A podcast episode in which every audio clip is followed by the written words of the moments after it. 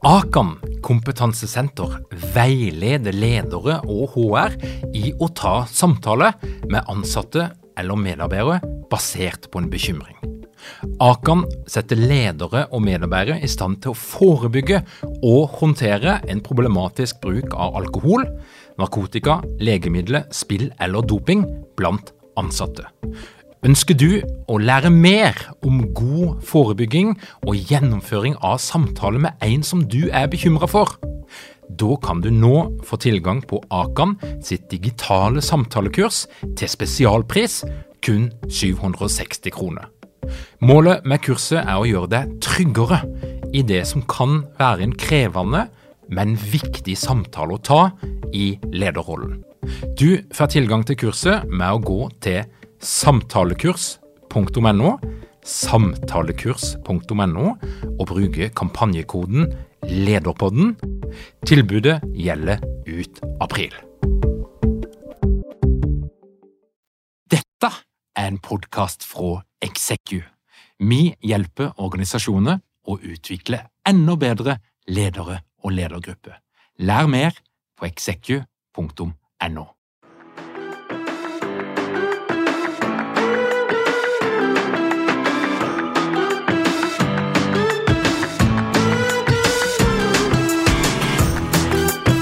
Velkommen til Lederpodden. Mitt navn er Tor Åge Eikerapen. Jeg jobber som organisasjonspsykolog med leder- og ledergruppeutvikling. Og dette her er en podkast om ledelse.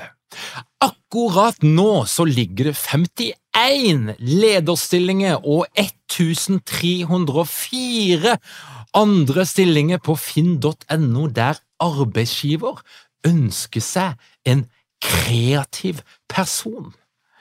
Kreativitet er noe som mange snakker om, og som mange ønsker seg, men hva er egentlig kreativitet? Og hva kan du bruke det til? Og har det noe for seg å være en kreativ leder i våre dager? Ole Fredrik Nordby han har svaret. Han er pianist, han er pianolærer, og han er ekspert på kreativitet og ledelse.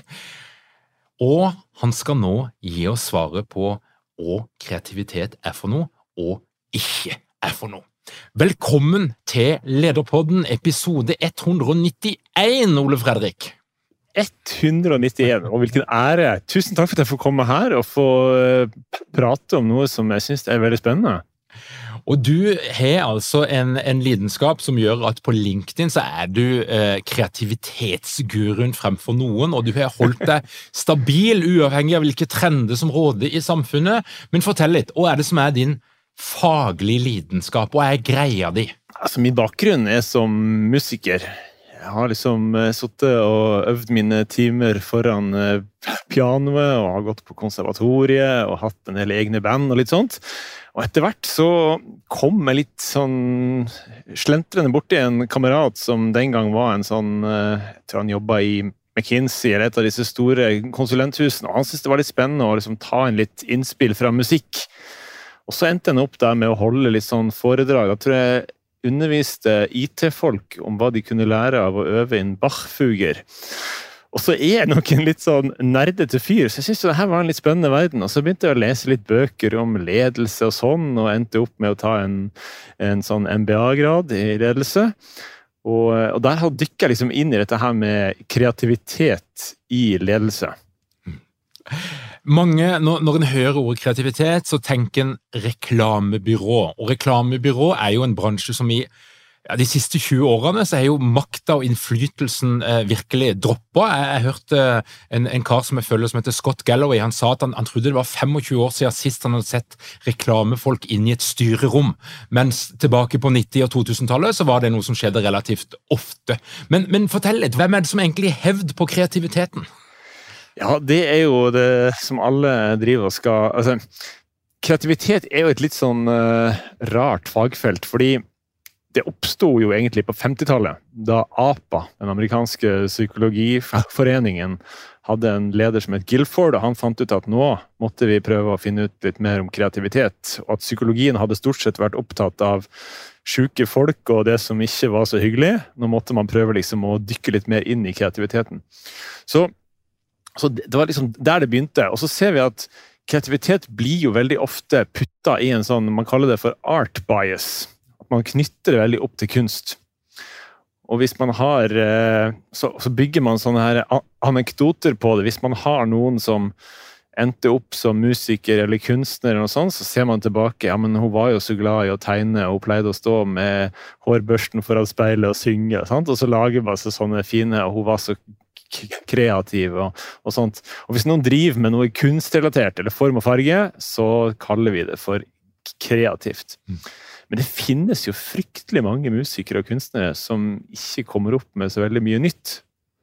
Og så finnes det utrolig tørre ingeniører som sitter og klør seg i hodet med Excel-ark og finner på masse nye løsninger.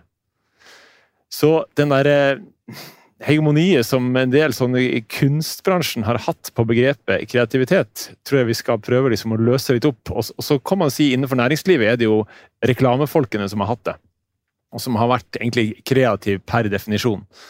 Eh, så hvis man skulle få inn noen kreative folk, så var det å hente noen derfra. Men, men det ser jo heldigvis òg en sånn trend nå at folk begynner kanskje å få en litt mer sånn nysgjerrighet og interesse av å forstå Kanskje vi må få inn noen som har enda mer fagkunnskaper også, som kan bidra med kreative tanker. Så det du sier nå med er altså at kreativitet i seg selv er egentlig ikke en, en, en, selvstendig ferdighet som kan brukes til så mye nødvendigvis, men det er når du kobler det sammen med annen type fagkunnskap, ja. at det skjer noe som kan være nyttig i organisasjoner, f.eks. Ja, og, og, det er nettopp det at kreativiteten som er, jeg synes det er veldig viktig, at den er spesifikk til et domene, til et fagfelt. Det vil si at man er ikke kreativ per definisjon på alle områder. Eh, så, så eh, hvis man vil ha inn noen som er kreative, så må de ha peiling på det, det faget de skal håndtere. Eh, så den der tanken om at vi tar inn noen utenifra som skal komme med helt nye tanker, da får du ofte nye tanker, men det løser ikke så veldig mange problemer nødvendigvis. Og eh, hvis vi skal prøve å definere og pinpointe kreativitet eh, i en veldig kort setning, hvordan høres det ut? Altså, det er jo alltid skummelt å spørre folk i akademia om å komme opp med definisjoner, for vi liker jo å helgardere oss med metastudier der vi sammenligner 100 sånn. Men jeg, jeg pleier å si det sånn når jeg snakker at kreativitet handler om å løse problem på nye måter. Mm. Det er liksom min, sånn, eh, mitt mantra. Fordi at da, da er det ikke knytta til form eller farge eller noen spesifikke områder. Det er problemløsning det handler om, og det møter vi jo på altså, i alle settinger vi er en del av. Og Nå har vi jo fått en metodikk som heter design thinking, eh, og diverse sprints. Trenger vi da kreativitet? Er, det, altså er, de, er, ikke dette her løst gjennom metode? Ja, det er jo det, i hvert fall, eh, i hvert fall det mange konsulentbyråer vil, vil, at man skal tro. Men du kan si det sånn, altså, veldig mange av disse her innovasjonsmetodikkene har veldig masse fint for seg, fordi at den hjelper oss til å strukturere tanker og lage eh, prosesser på ting. Og det er klart, Skal man drive en stor organisasjon, så hjelper det ikke at man har masse folk som springer rundt med ideene. Da må ting systematiseres, og man har deadliner og sånn. så Derfor er disse eh, verktøyene veldig gode. Eh, men samtidig så tror jeg litt at man fort kan da glemme litt den her kreativitet, den evnen som nettopp består i det at det er en del personlige egenskaper folk har, i møte med en del områder som de har. Da er du litt inne på egentlig rekruttering. Altså, hva, hva Er det mulig å skrine eh, for kreativitet i en ansettelsesprosess, f.eks.? Ja, det er jo en del ting. Altså, når man har eh, testa kreativitet, for det, det, det, blir jo gjort, og da er det ofte altså Du kan si kreativiteten består av disse her domenespesifikke ferdighetene. Og det kan man jo ofte skrine gjennom erfaring og utdannelse og hva man har gjort, og vise til at man har kompetanse på området. Og så har man det vi kaller for altså, kreative ferdigheter, blir det ofte kalt innenfor forskningslitteraturen. Altså evnen til å divergerende tenkning. Altså det å tenke nye ideer, komme på flest mulig ideer, kunne innta litt andre posisjoner og måter å løse et problem på. Eh, og så har vi den siste, da, som, som, man veldig ofte glemmer, og det er jo nettopp det her med motivasjon. Fordi at det er veldig mange fagnerder som har utrolig evne til å se nye løsninger og finne masse nye ideer. Men hvis ikke de har noen insentiver der de blir satt, så blir det veldig sjelden så mye kreativitet ut av det. Nettopp fordi man har ingen sånn veldig insentiver til å komme med disse ideene, eller Fordi at kreativitet, det koster jo litt. Man skal jo skape endring. Og da blir det ofte litt støy og litt uro. Og hvis man da ikke orker de omkostningene, så, så skjer det sjelden så veldig mye. Og det, det, jeg hører da, det er jo at kreativitet er en eh, kan være en, en, en, personlig egenskap som du har trent opp, en ferdighet som du har trent opp, og som du bruker på toppen av det du kan fra før. Men i en organisatorisk sammenheng, f.eks. hvis du er et medlem i en ledergruppe, så er det ikke nok. Du må ha en drive og en motivasjon, og du må ha noen insentiver for å utfolde kreativiteten.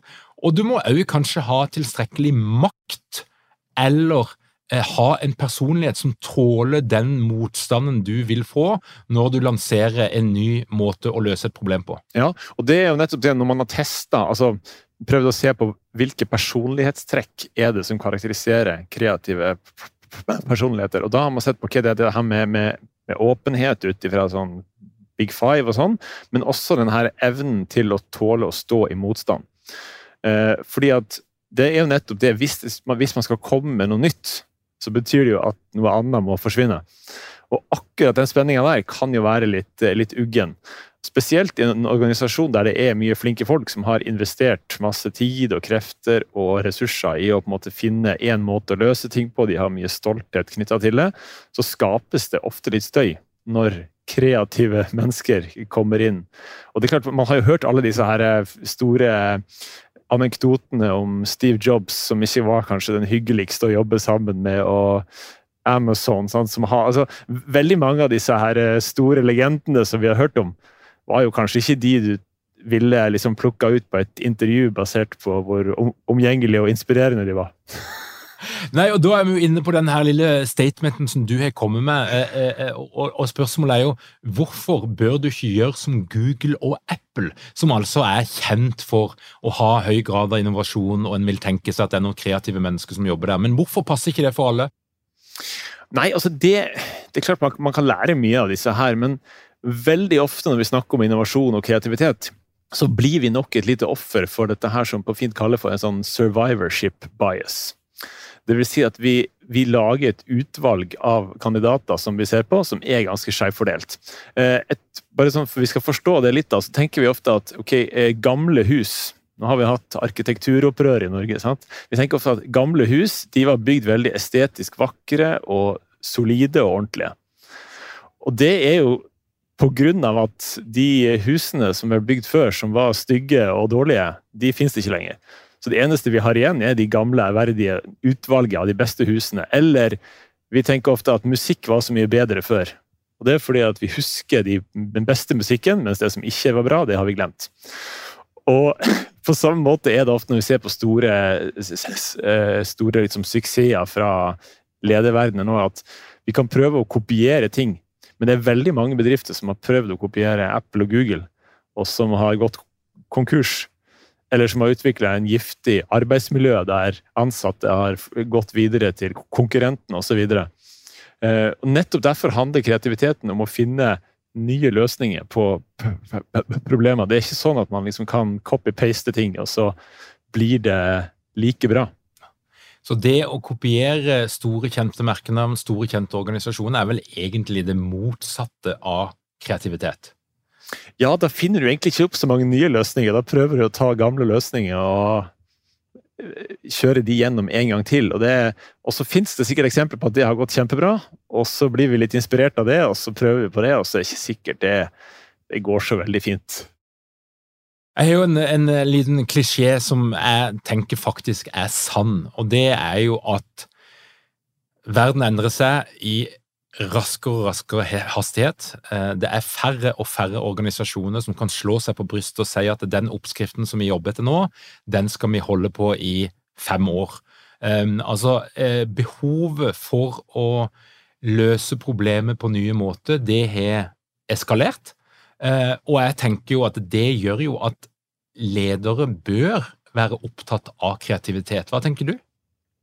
Jo, og, og, og det er jo Altså, veldig mange av de problemene som ledere møter i dag, er jo problemer som de kanskje ingen har møtt før. Og så er det problemer som kanskje ikke har et sånn riktig eller galt svar. Men det er kanskje noe er litt bedre og noe er litt dårligere. Det er det vi kaller for sånne wicked problems. Altså, hvis du skal mm, spå været, f.eks., så kan man gjøre noen utregninger, og så får du en fasit dagen etterpå. Det ble regn, og så kan man liksom finjustere det. Eller hvis man spiller golf, så kan man jo jobbe litt med det, og så får man ganske kjapp feedback på om man fikk et godt slag eller viktig. Ledelse er litt verre. Fordi der er det sånne wicked problems. Der får du ikke nødvendigvis tilbakemeldinger med en gang, og den kan være forurensa, som vi kaller det, av andre ting som har skjedd i organisasjonen osv. Så, videre. så veldig mange av de problemene som ledere skal løse, finnes det ikke noen sånne gode eksempler på hvordan har dette blitt gjort før. Og det er derfor vi må komme opp med en del nye løsninger. Mm. Og dette her med å trene kreativitet, eller det å gjøre kreativitet til en del av kulturen, hvordan kan en få det til? ja, eh, det er jo Når vi ser på forskninga og når vi snakker om kreativitet, så bruker vi disse begrepene innovasjon og kreativitet litt sånn om en annen. Um, og det, Noen ganger så blir det brukt litt upresist, og noen ganger så er det jo nettopp fordi at de har en del fellestrekk. da. Men det er klart, eh, det å skape eh, trygghet i organisasjonene er ekstremt viktig. Fordi at som vi snakker om, det, det å investere i en idé, det å prøve å få gjennom noe nytt, det koster en del. Og hvis de kostnadene blir for store, så blir man, så blir man mer offer for en sånn konformitet, at man blir en del av den store massen i organisasjonen. Så det å skape en sånn lekenhet Er Har ikke mange ledere uten trening eller utdannelse innen ledelse? Mangler dere en felles kultur og praksisforledelse? for ledelse? Ønsker dere å være bedre rustet for fremtidig vekst og endring? Da kan et internt lederutviklingsprogram være en god investering. I Execu så er vi eksperter på å designe og gjennomføre bedriftsinterne lederutviklingsprogram. Hvis du ønsker å lære mer om hvordan vi kan hjelpe dykken til å få enda bedre ledere, ta og klikk deg inn på execu.no.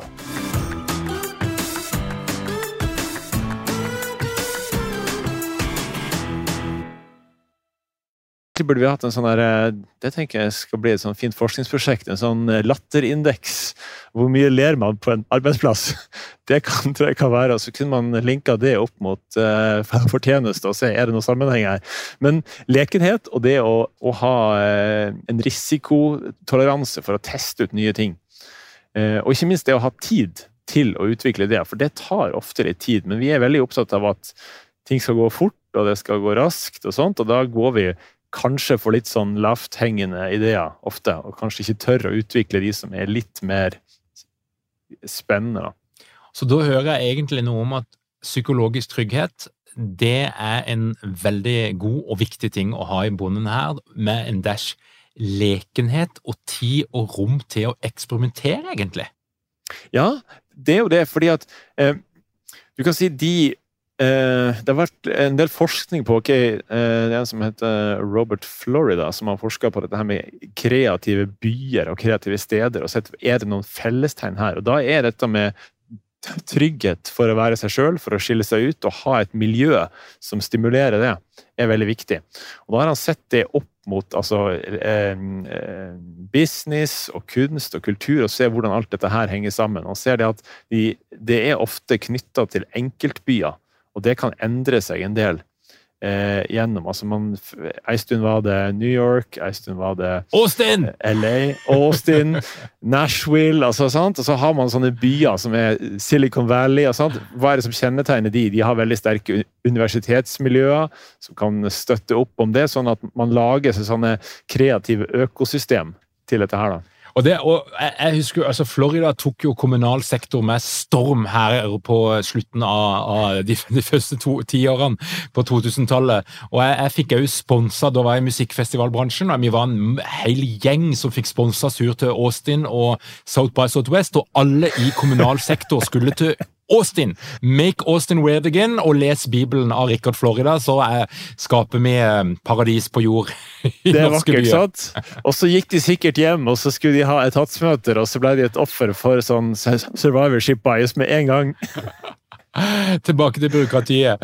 Men, men uh, du, du, skriver noe om kreativitet 2.0. Altså for, for AI kommer jo inn her som en kreativ kraft, som en mulighet. Og når jeg driver og leker meg med Midjourney og ChatGPT, så, så, så, føler jeg jo at jeg er i en litt sånn kreativ modus, eh, og at jeg får drahjelp til å bli enda mer kreativ. Hva tenker ja. du? Hva, hva, hva er framtida eh, i den AI-drevne kreativiteten?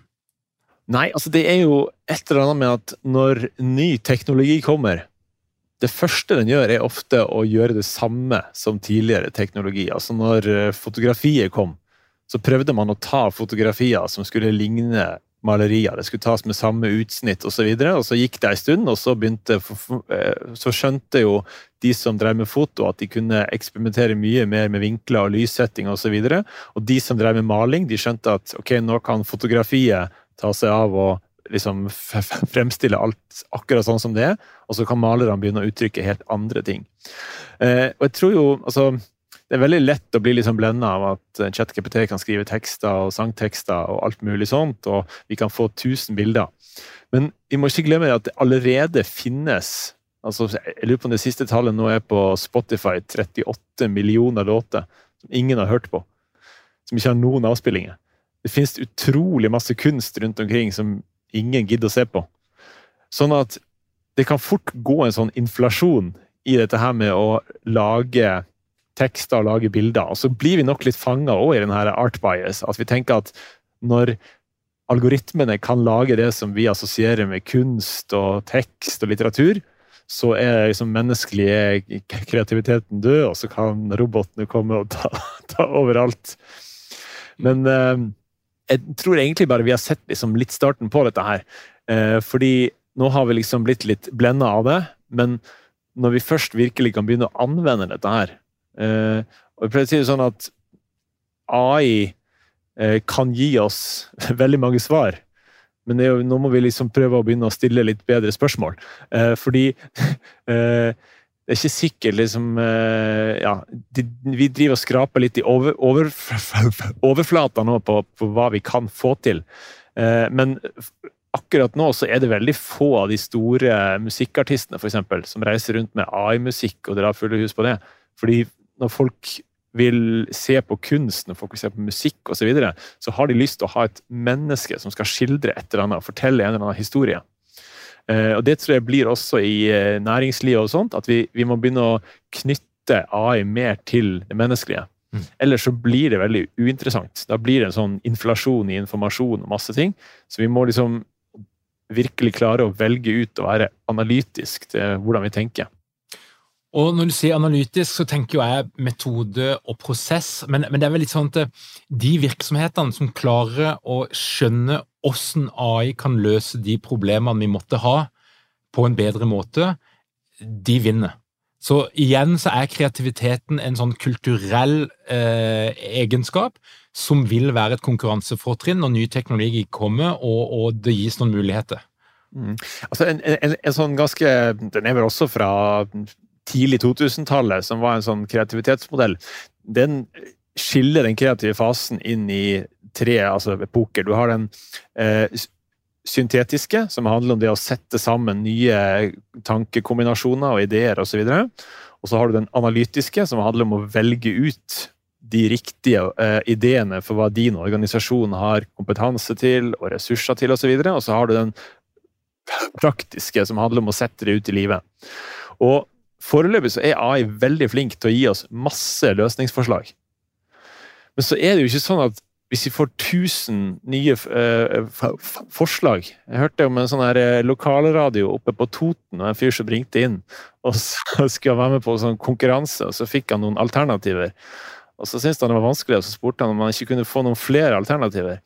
Uh, og det, det, viser litt hvordan vi kanskje tenker om AI. at jo, Vi tenker at hvis vi får bare masse alternativer, så vil det bli mye lettere. Men da vil det bli vanskeligere å finne den nåla i høystakken, den gode ideen òg. Fordi at det blir et sånn overflod av løsninger. Så, så vi, vi, må ikke se oss blind på liksom at AI nå kan uh, ChatGPT kan lage 1000 nye forslag på en eller annen tekst vi driver og jobber med. Så før eller siden så må vi også gå inn analytisk og velge ut de riktige løsningene. Og det kan godt hende at AI også vil, vil kunne hjelpe oss med den biten der. Men det er viktig å forstå alle disse prosessene, og ikke tenke at bare har du masse ideer, så har alle de en kjempeverdi. For det er, det er ikke alle ideer som er så veldig gode.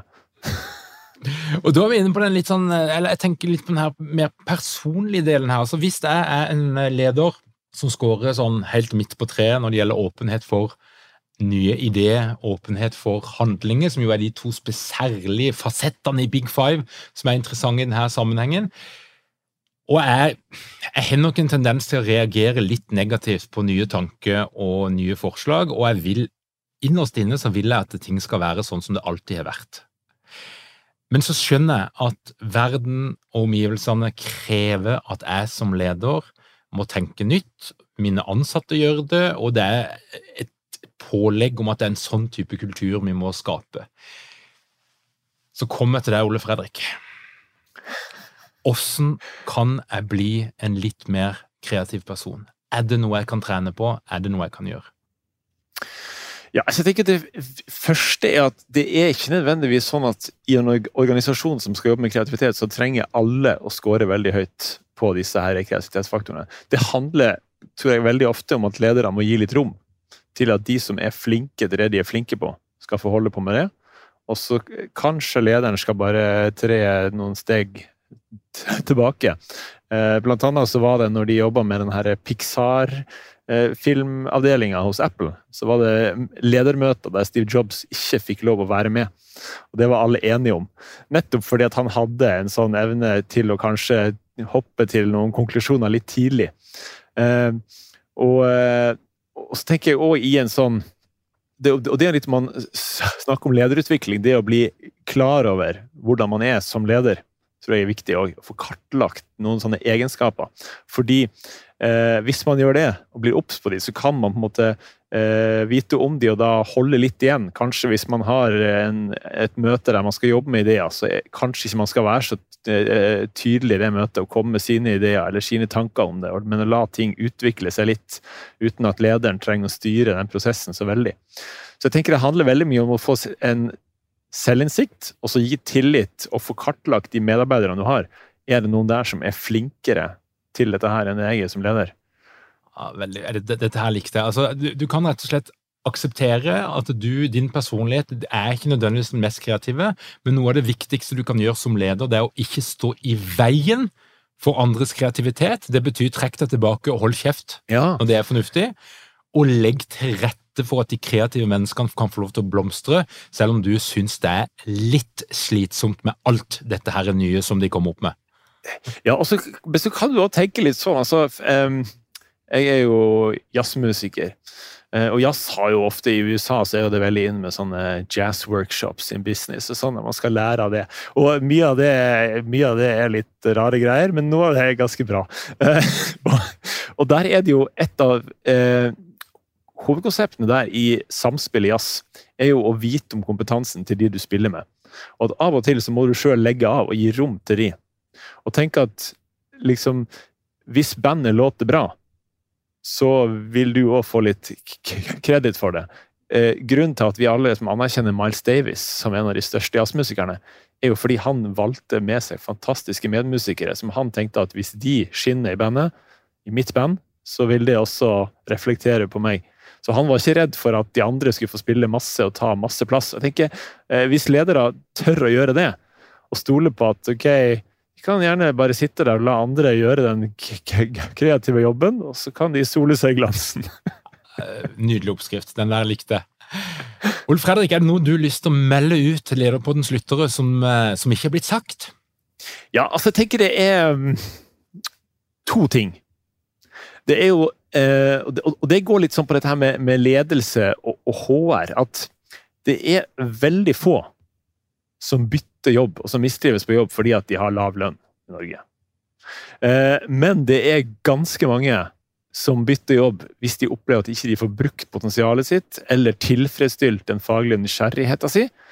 Eh, og kreativitet er en sånn hestekur mot kjedsomhet på jobben. Så det at ledere eh, lager miljøer der folk får, får liksom utforske nysgjerrigheten sin innenfor et fag, eh, jobbe med nye løsninger, det tror jeg er veldig viktig for å holde på flinke folk. Og ikke holde folk liksom i, eh, i tømmene. Eh, og så Det andre jeg har lyst til å si, det er til de som kanskje er mellomledere eller ledere, eller har lyst til å bli en leder og har lyst til å bli mer kreativ. Og Det er bare en sånn liten sånn hack fra kreativitetsforskninga. Og det er det å prøve å legge inn noen nye avvik i vanene dine.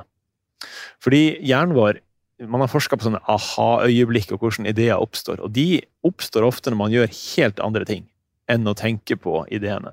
Men det som også er veldig bra, er å få litt nye input. Og Hvis du bare sørger for at hjernen får masse nye input, så skjer det ting litt automatisk, faktisk. Så det å begynne å gå kanskje en litt annen vei til jobb, det å finne seg en ny hobby og teste ut noen nye ting, bli litt nerd på en eller annen helt nye ting som ikke trenger å ha med akkurat fagområdet ditt å gjøre òg. Det gjør at det skjer noen helt vidunderlige ting oppi hodet. Så plutselig så begynner man kanskje å tenke litt annerledes på ting på jobb òg. Så det å bare bryte litt ut av de vanene man har Kanskje begynne å lage litt ny mat, f.eks dette her er gulltips, og det du sier noe om, det er jo at hvis du er en slave av kalenderen din, hvis du sitter back to back i Teams-møte hver eneste dag, og, og to do-lista di kommer du aldri gjennom, og det er det livet du lever, så er det ikke rom for å bli kreativ. Det er ikke rom for å få nye ideer eller tenke nye tanker. Det er det som skjer i mellomrommet. Det er i mellomrommet, sant? Og, og dette er så eh, godt uh, fundamentert i forskning at egentlig så burde man legge inn en del sånne altså plenklipping, husarbeid og sånne ting i timeplanen sin. fordi at da går hjernen inn i en vakker status som heter sånn default mode. Da tenker du på ingenting. Og det er da hjernen får prosessert alle disse tingene. Og det er derfor du ofte får disse her gjennombruddene når du står i dusjen eller er på løpetur eller kjører bil. Det er fordi at hjernen bare jobber på høygir uten at du merker det. Så egentlig bør man legge inn litt sånn tid. Det er en sånn amerikansk uh, serieskaper. Han uh, pleide å dusje så mye, for da gikk han inn så han dusja syv ganger om dagen og fikk montert dusj på kontoret. Bare fordi han visste at det, det var så effektivt. Og Hvis den dusjen i tillegg er kald, så snakker vi om, om at du får restituert, og, og, det er veldig bra for pulsvariasjonen din. Så her er det mange, mange ting å hente. Det er Fantastisk. Ole Fredrik, tusen hjertelig takk for at du kom til Lederpodden. Eh, jeg skal hjem og klippe gresset veldig snart. Nydelig. nydelig. Tusen takk for at jeg fikk komme. Det her var veldig spennende. Til deg som hører på, takk for at du hører på Lederpodden. Ønsker du å få med deg alt som skjer i vårt lederunivers? Gå inn på lederpodden.no, skriv inn din e-post og trykk på den rette knappen, og da får du vårt rygende ferske nyhetsbrev i din innboks hver eneste fredag. Hvis du ikke har fått det med deg, så er altså høstens utgave av lederprogrammet utsolgt ganger to. Ønsker du å delta, så må du vente helt til februar, da vi setter i gang vårens program. Men du kan gå til lederprogrammet.no hvis du ønsker å stå på venteliste. Igjen takk for at du hører på Lederpodden. Denne episoden er satt sammen av Emil Kulsveihagen. Mitt navn er Tor Åge Eikerapen, og du kan følge med på LinkedIn. Og uansett så høres vi igjen om ei uke.